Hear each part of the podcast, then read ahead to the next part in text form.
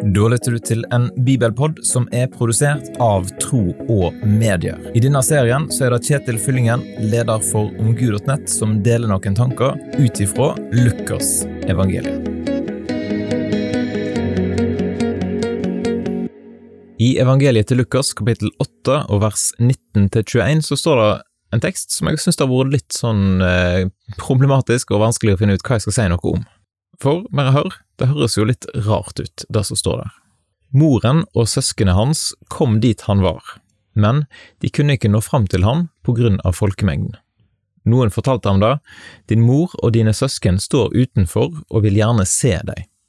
Men han svarte, min mor og mine søsken, det er de som hører Guds ord og gjør etter det.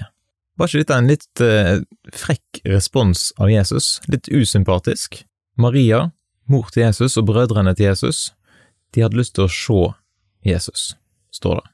Men Jesus responderer med at eh, hans familie det er de som hører og gjør etter det som Jesus sier. Altså Nok en gang i kapittel åtte blir det understreket hvor viktig det er å lytte til Jesus, og la det få konsekvenser for det livet som en lever.